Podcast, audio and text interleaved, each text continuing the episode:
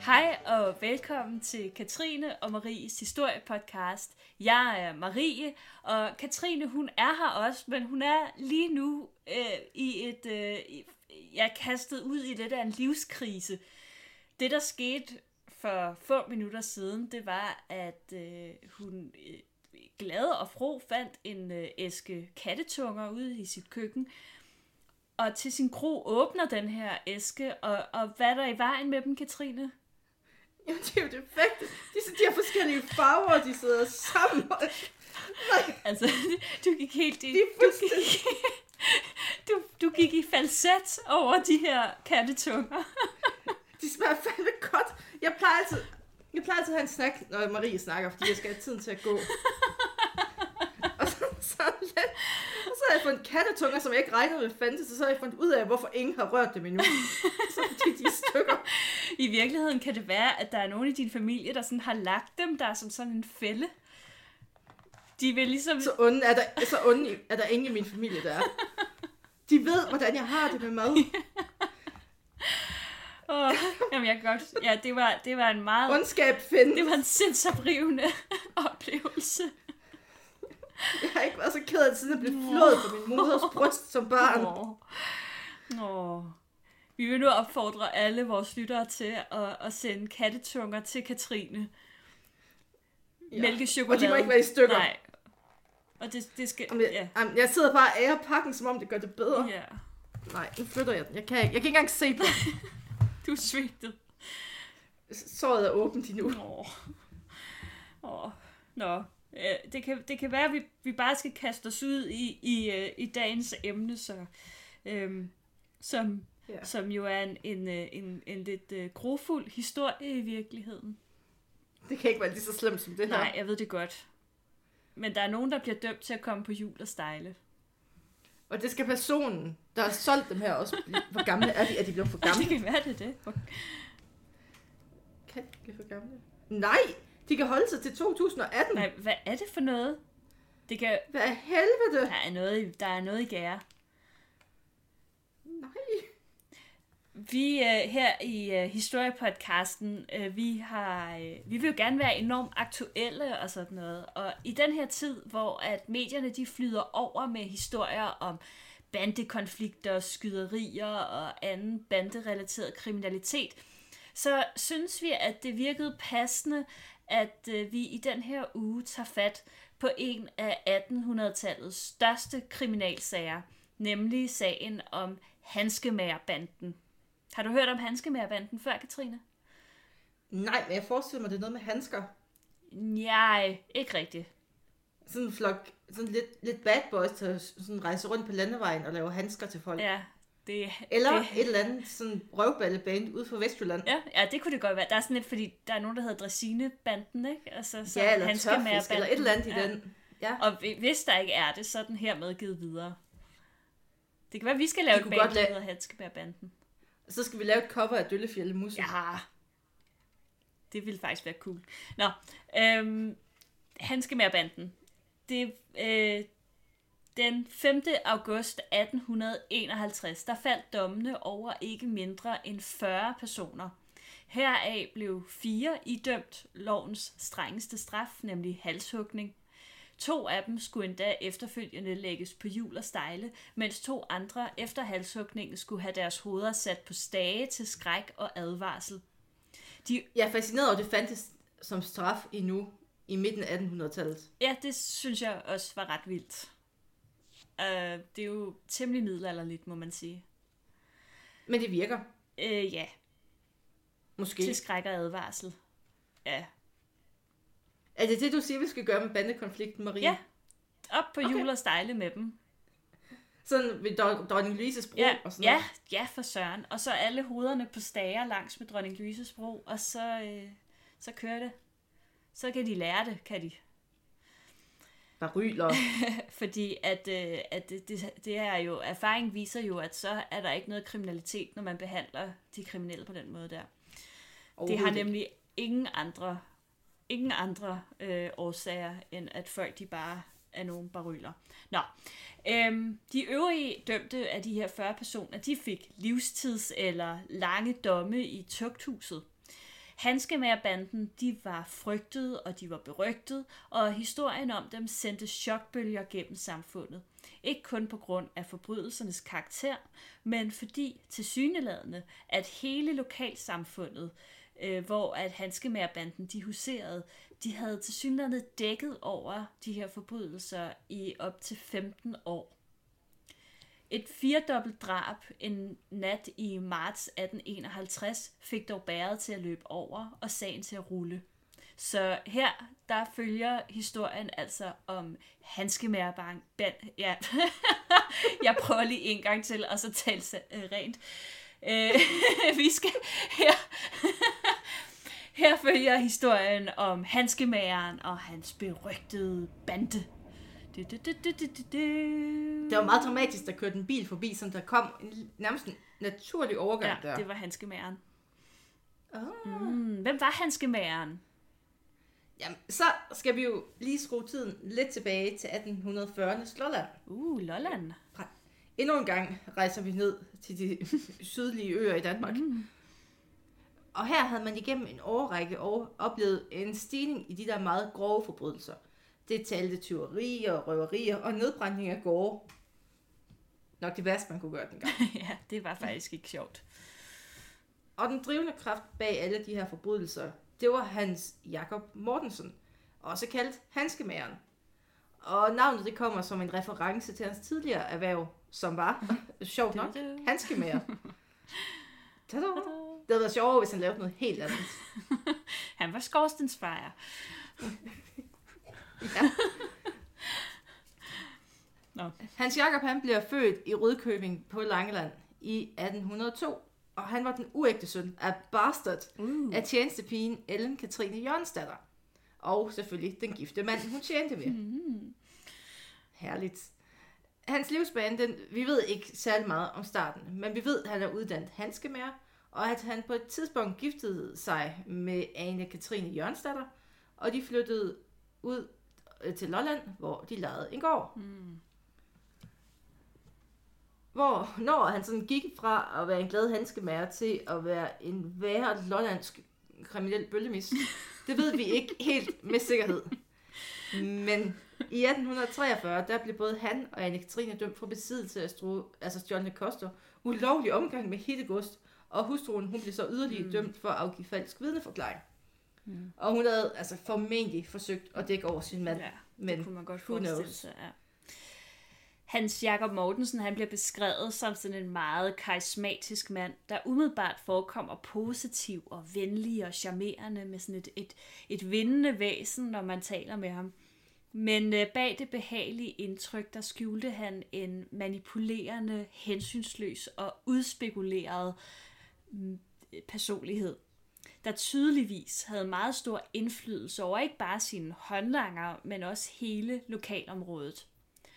Udover en trofast inderkreds bestående af hustruen Anne-Katrine, og så nogle fyre, der hed Mads Heden, brødrene Anders og Mads Viksnes, samt en Morten Båd, øhm, der fik øh, hanskemageren efterhånden overtalt et stigende antal hjælpere fra lokalbefolkningen. Så det, det, den her bande, den voksede og voksede. Og Det er også derfor, man jo ender med at kunne arrestere... Ja, jeg tror altså faktisk, det var over 40 personer til sidst. Vil du sige, at de var lojale til familien? De var i hvert fald lo- lojale over for hanskemageren. det kan være, at de følte sig som en familie. Ja. Ja, yeah. jeg forstod godt referencen. Det ved jeg godt, Marie. Hanskemageren, han overbeviste alle de her mennesker om, at øh, de ved at hjælpe ham let og urisikabelt kunne skaffe sig et udbytte, der var meget større end det, de fik som bønder og håndværkere. På den måde så infiltrerede hanskemagerbanden lokalsamfundet, og det var formentlig derfor, folk af både frygt, men måske også lidt af egen interesse havde tidet om øh, forbryderne og forbrydelserne igennem så mange år. Og hvordan arbejdede den her bande så? Fremgangsmåde det var, at de begik et indbrud på en lokal gård, og så satte de ild til den for at slette sporene, når de var gået ud. Ja. Og jeg sad lidt, da jeg læste om det, og tænkte på The Wet Bandits fra Home Alone, hvor de snakker om, at de tænder for vandet, når de ligesom har røde huset, Ja. ja. fordi det er deres calling card. Ja. Og ja, det lugter næsten lidt af det, synes jeg. At De har fundet inspiration. ja, det, Mm. ja, det er jo faktisk det, Home Alone er ins- er inspireret Ja. af. Faktum. Det er Hanskemær-banden. Og samtidig så satte de så ild til en gård for at røve naboejendommen. Fordi at dengang så kom der jo ikke et brandvæsen, Nej. så mens alle naboerne de var i gang med at slukke nabogården, Mm. så stjal de bare tingene i den tomme gård. Det er så snedigt. Under retssagen der kom det så derudover frem, at de flere gange har sat ild til egne eller andres huse og gårde for at få udbetalt forsikringspenge, eller for at få opført en ny og bedre bolig, bekostet af den herremand, der faktisk ejede ejendommen. Så det er sådan en forsikringssvindel også. Ja, det er også en del af den der egen interesse, som lokalbefolkningen havde i det. Ikke? Der var måske mange, der i virkeligheden havde noget i klemme hos Hanskemageren. Ja, nemlig. Øhm, Men Hanskemand, han, var jo faktisk, han blev faktisk anholdt på et tidspunkt, men politiet, de kunne ikke skaffe nok bevismateriale. Og han nægtede, altså naturligvis alt. Og så blev han egentlig sat på fri fod, for man kunne ikke bevise noget. Mm. Og retssystemet på det her tidspunkt, det krævede nemlig, altså der var en tilståelse fra den anklagede, for at man kunne dømme dem. Ja. Også selvom der var afgørende beviser. Mm. Ja. Jo, ja, det var lidt sjovt skruet sammen. Og det her, den her oplevelse, det overbeviser så Hanskemand om, at hvis han ikke blev taget på færds gerning, og i øvrigt, altså hårdnakket benægtet alle beskyldninger, så ville han aldrig kunne blive dømt. og man ved jo, hvad der sker med hovmod. Ja. og, men han får også overbevist sin håndlanger om, altså at han ikke kan blive anholdt og sat i fængsel, og det giver jo dem selvtillid, fordi de føler sig urørlige nu. Ja. Og hver gang, at de blev mistænkt for en forbrydelse, så dækkede de egentlig bare over hinanden med falske alibier, og så benægter de alt, og politiet, de kunne så ikke gøre noget. Det virker, det virker sådan ret tamt, øh, sådan retssystemet og, og politi. Jeg kan godt lide, at det findes i det samme retssystem, hvor man kan sætte folk på hjul og seje. Det er som om, at når de endelig har forvedet forbryderen, så skal han også bare... Ja, så straffes. Måske, Der sidder bare en politimand og kigger på det der hjul og seje med et drømmende blik og håber. Ja. Måske det var den her øh, selvtillid, der gjorde, at bandens forbrydelser blev mere og mere voldsomme. Den 26. januar 1851, der begik Hanskemærbanden indbrud på en gård ved Bandholm på Nordlolland. Den gamle avlskal Jens Mathiasen, han tog dem på fast gerning og rakte ud efter sit jagtgevær, men i samme øjeblik, der greb den ene af 20. sin jernbeslåede træsko og slog kalen i gulvet, til han døde. Udbyttet af den her forbrydelse var bare et ur. Øhm, og rovmuret på Jens Mathiasen, det var desværre bare begyndelsen, og men man kan sige begyndelsen til enden. For den 21. marts 1851, der slog Hanskemagerbanden til igen, og denne gang var det mod gårdmand Jørgen Johansen i Stødby. Og det var faktisk ikke første gang, at Hanskemanden han havde opsøgt Jørgen Johansen. Gårdmanden han var kendt for at være velhavende, og tidligere havde Hanskemæren og hans hustru forsøgt at begå indbrud på gården. Det havde dog ikke været et vellykket forsøg, og til med havde Jørgen Johansen, som tidligere var dragon, faktisk fundet sin gamle sabel frem, og så han kunne forsvare sig imod det fremtidige indbrudsforsøg. Ja. Så den ligger bare klar ved sengen, Det gør den. hvis der kommer. Sådan. Man forestiller sig sådan lidt sådan en Oberst Hackel-type. Altså, hvis jeg havde en sabel, så lå den også ved min seng. Ja. Helt sikkert. I marts 1900, eller 1851 havde Hanskemand fået at vide, at Jørgen Johansen i de dage opbevarede et ganske stort be- pengebeløb på gården. Trods tidligere dårlige erfaringer, så samlede han alligevel sine nærmeste håndlanger. Det talte Mads Heden, Morten Båd og brødrene Anders og Mads Viksnes. De besluttede sig for at begå indbrud og slå den gamle 50-årige gårdmand og hans 72-årige kone ihjel, stjæle pengene og derefter sætte ild til gården. Mm. Du ved, Som man jo gør. Som man nu gør. Og som sagt, så gjort. Masseden, han blev sat til at holde vagt uden for gården. Og mens de øvrige bevæbnet med økser og stikker gik ind i bryggerset. Her satte de slåen for pigekammeret, så ægteparets to tjenestepiger ikke kunne komme ud. Og sådan, så ville man også brænde dem ind, Ja. åbenbart. Ja, ja. Da de så ville fortsætte ind i stuen, fandt de ud af, at døren den var haspet indenfra. Hanskemæren, han forsøgte at løfte døren af sine hængsler, men det larmer lidt. så derfor vågner Jørgen Johansen og hans kone. Jørgen Johansen han griber ud efter sin sabel, og han står klar til at forsvare sig, da banden kommer tumlende ind i stuen. Jørgen Johansen han hugger ud efter forbryderne med sin sabel, men desværre sætter den sig fast i det lave loft. Der, der, ja. Ja. Og i det samme, der sprang handskemæren på ham.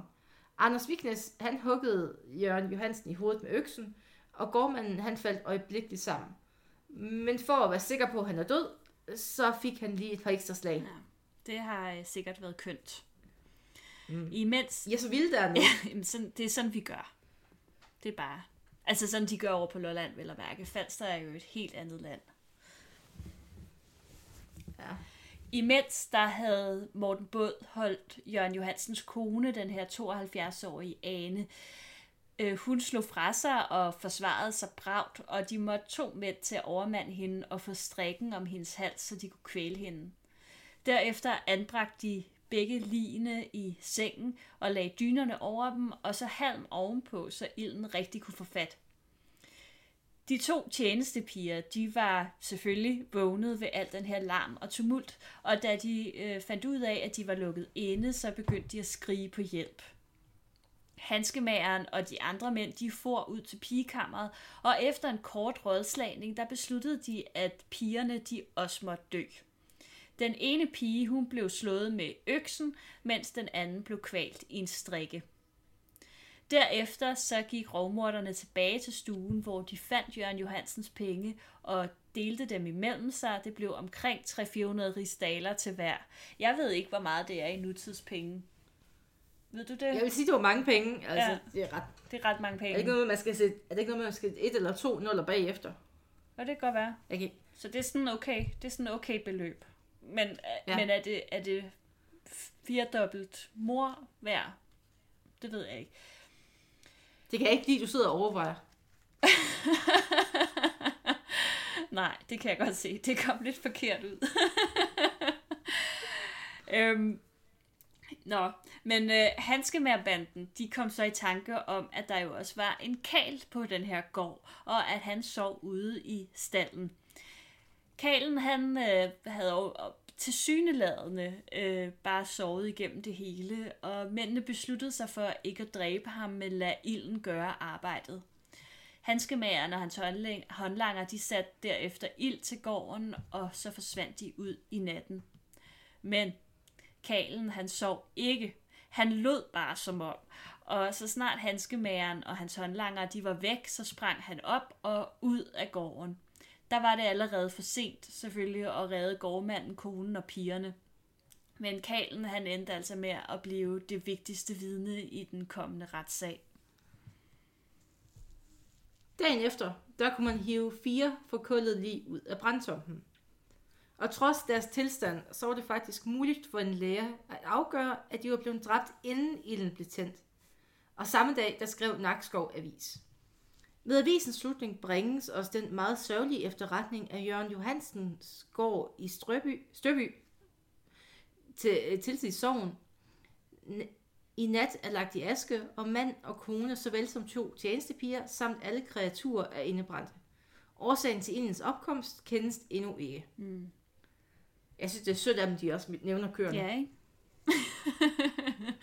Så, Ja. Der er ikke nogen, der skal tro, at de kan sikre sig nogle kør oven på den historie her. ej, man kan godt forestille sig. Nu har jeg jo kun set Emil fra Lønneberg som reference til den her tid. Ja. Og der kunne jeg godt forestille mig, at nogen af dem ville tage ud og hente andre folks køer om natten. ja, det kunne man godt Jeg har set der, hvor de er på markedet. Ja. Ja. Det er jo Sodoma og Gomorra. Ja, men det er, Altså. det er det vilde vesten.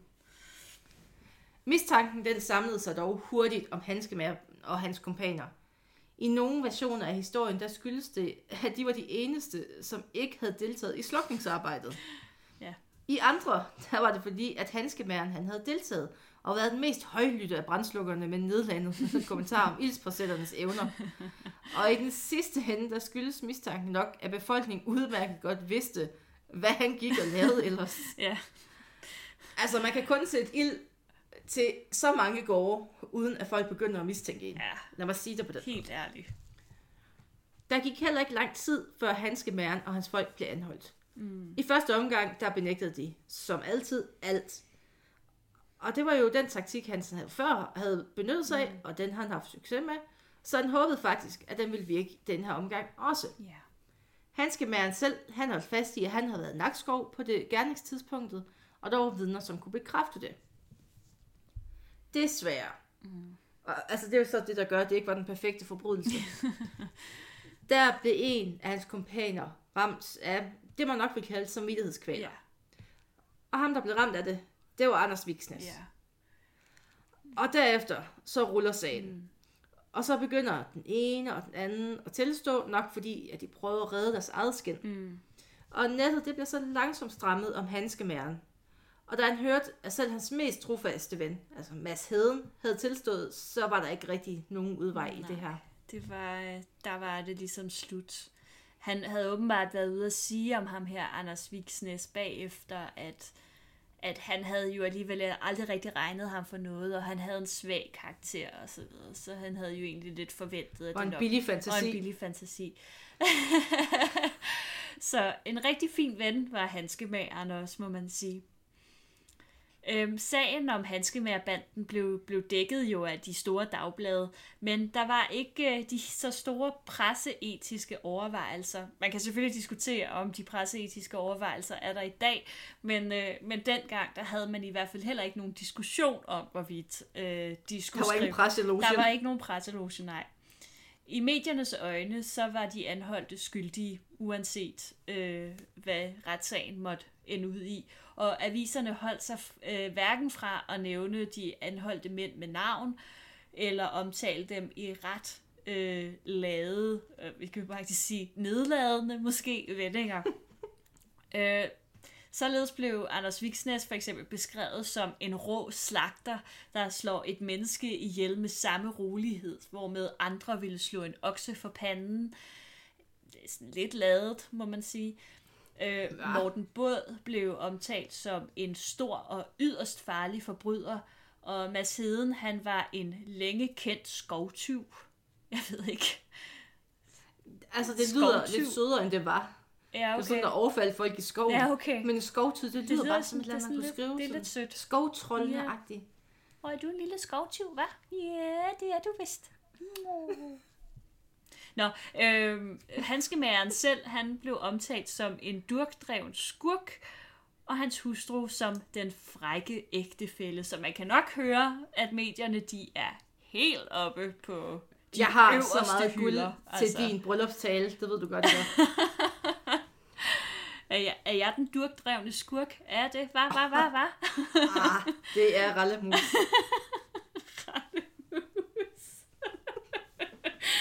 Nu bliver han nødt til at slå dig ihjel. Som den durkdrevne skurk, han er. Selve retssagen, øh, Handskemagerbandens retssag, strakte sig faktisk over et par år. Og efterhånden som sagen voksede, så voksede avisernes frustration også over den. Som øh, for eksempel er der her et, øh, et lidt længere citat fra Berlingske Tidene. Men ikke mindre fantastisk. Det er et, faktisk et fantastisk citat. Det lyder sådan her. Skulle vi ikke tro, at vi levede i blandt rødhuderne ved Mississippis bredder, eller i det lovløse Italien, snarere end på det fredelige Lolland? Blive ingen af disse mange forbrydelser opdaget, der vil ej alene den menneskelige retfærdighed spottes på det grusomste, men enhver landsmand, som har eller antages at have, blot så meget, at han kan kaldes velhavende, tør da ikke herefter lægge sig til ro med sine, uden bevæbnet lige til tænderne. 10. Erfaring har altid vist, at grove forbrydere blive ved deres tilsyneladende held mere og mere dristige, indtil det til sidst går dem galt, netop ved deres egen forvågenhed. Men hvor mange bygninger kan der, inden dette sker, der endnu ikke går op i flammer, hvor mange uskyldige kunne ikke blive ofret for deres ondskab. Jeg synes, Berlingske mangler lidt i deres nyhedsdækning i dag. Ja. Ja. Især dem med røde huder i Italien. Ja, jeg synes, det, det er rødhuderne ved Si- Mississippis bredder, og det lovløse Italien. ja. Det, ja øhm, altså, det, er, det sejler jo. det sejler. Det er ikke godt. Jamen, altså, som vi også til at starte alt. alt, alt. jeg vil starte et indlæg om bandekonflikten. Ja, skulle vi tro, at vi levede blandt... Hvorfor vil politik ikke antage min kronik? ja, det kunne faktisk være en kronik, der stod i øh, dagens aviser. Ja. Bare skifte noget af det ud med skud og sådan noget. ja, ja. ja. Ja.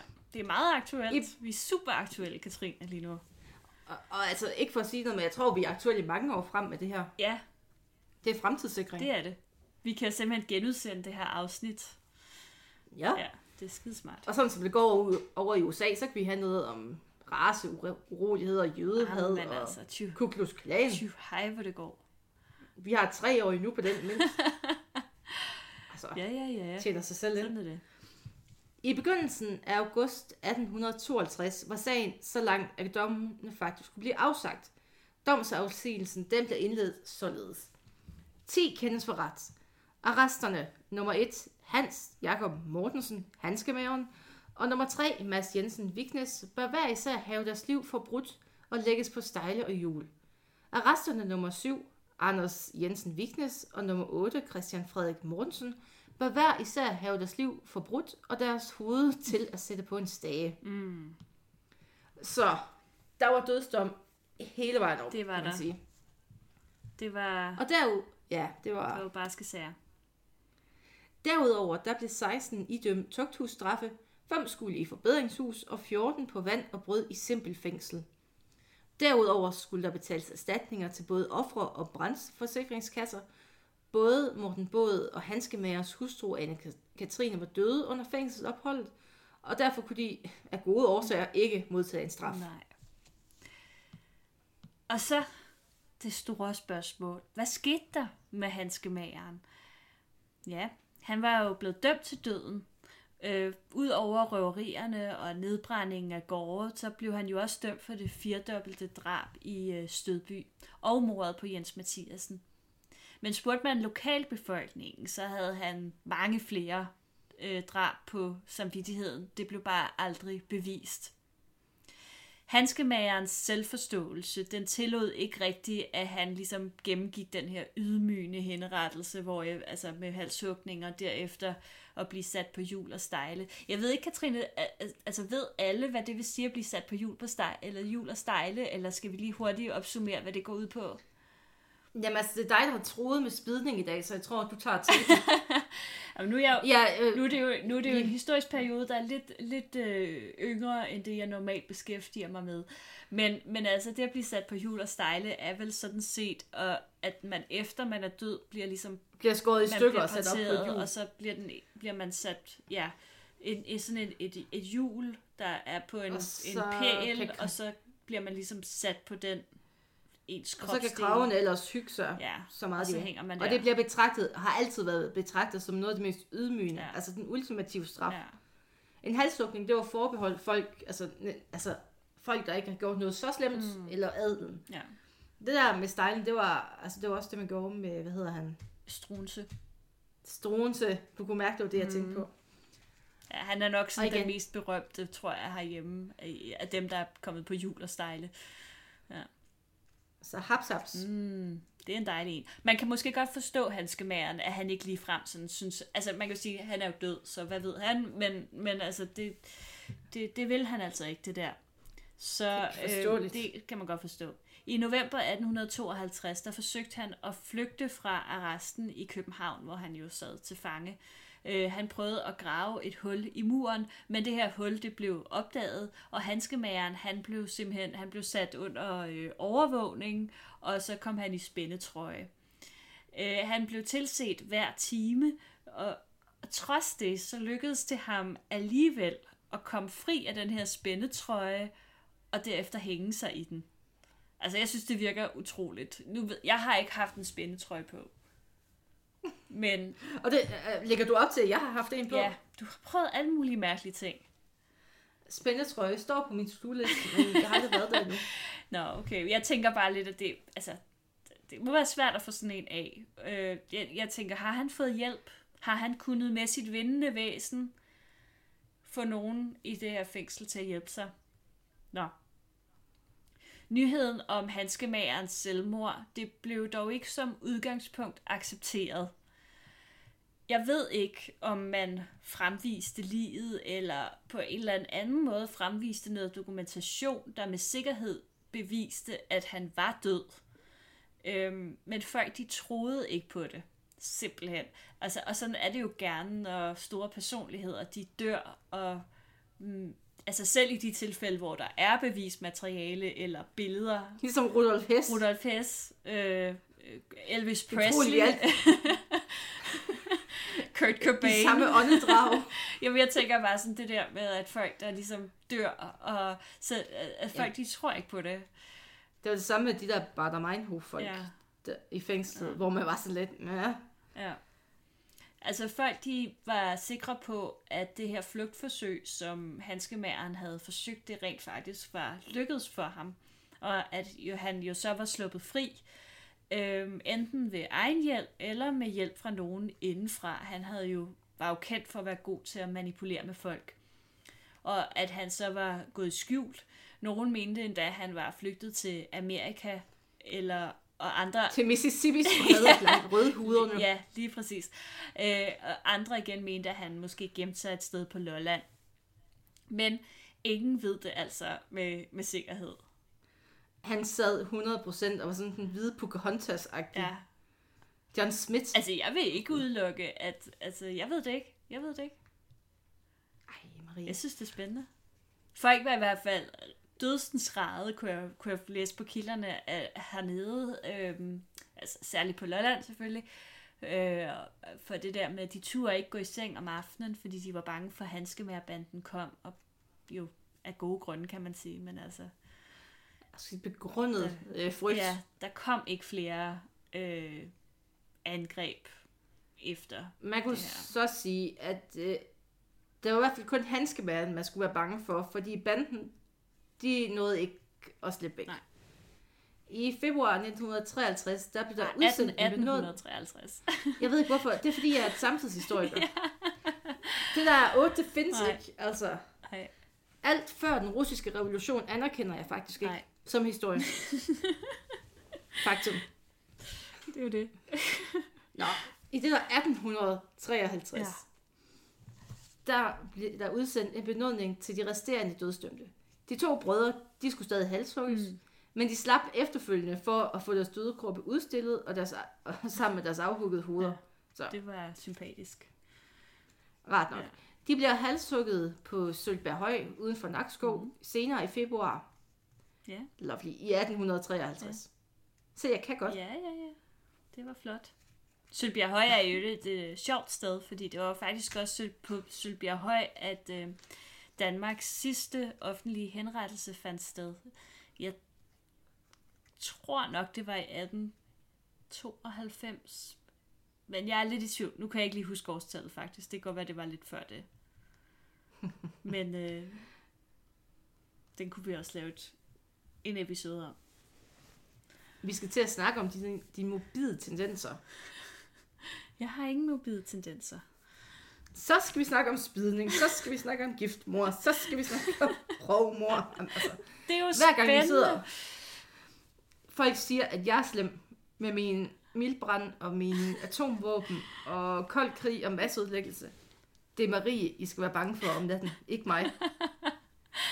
Jeg siger det bare. Åh, jeg, jeg er så god, som dagen er lang. I skal ikke tro på hende. Er det derfor, du aldrig vil mødes med mig? Det er derfor, jeg er utrolig glad for, at der er et par hundrede kilometer imellem os, når vi optager det her. No. Der var en autocorrect fejl i dag, hvor Marie måske skulle have skrevet spisning. I stedet retter hendes telefon det som det mest naturlige til spidning. Jeg får en besked, hvor hun nævner noget om spidning, og jeg synes ikke umiddelbart, det virkede unaturligt i kontekst, fordi det var Marie. Så det sagt. Og med de ord, så runder vi af for i dag. Ja, det var Handskemæren Marie. Handskemærerbanden fra Lolland. Arkeologibanden for Falster. Det er en meget lille bande. Kun består af mig, men øh, men ikke desto mindre dødelig. Mm, ja, måske.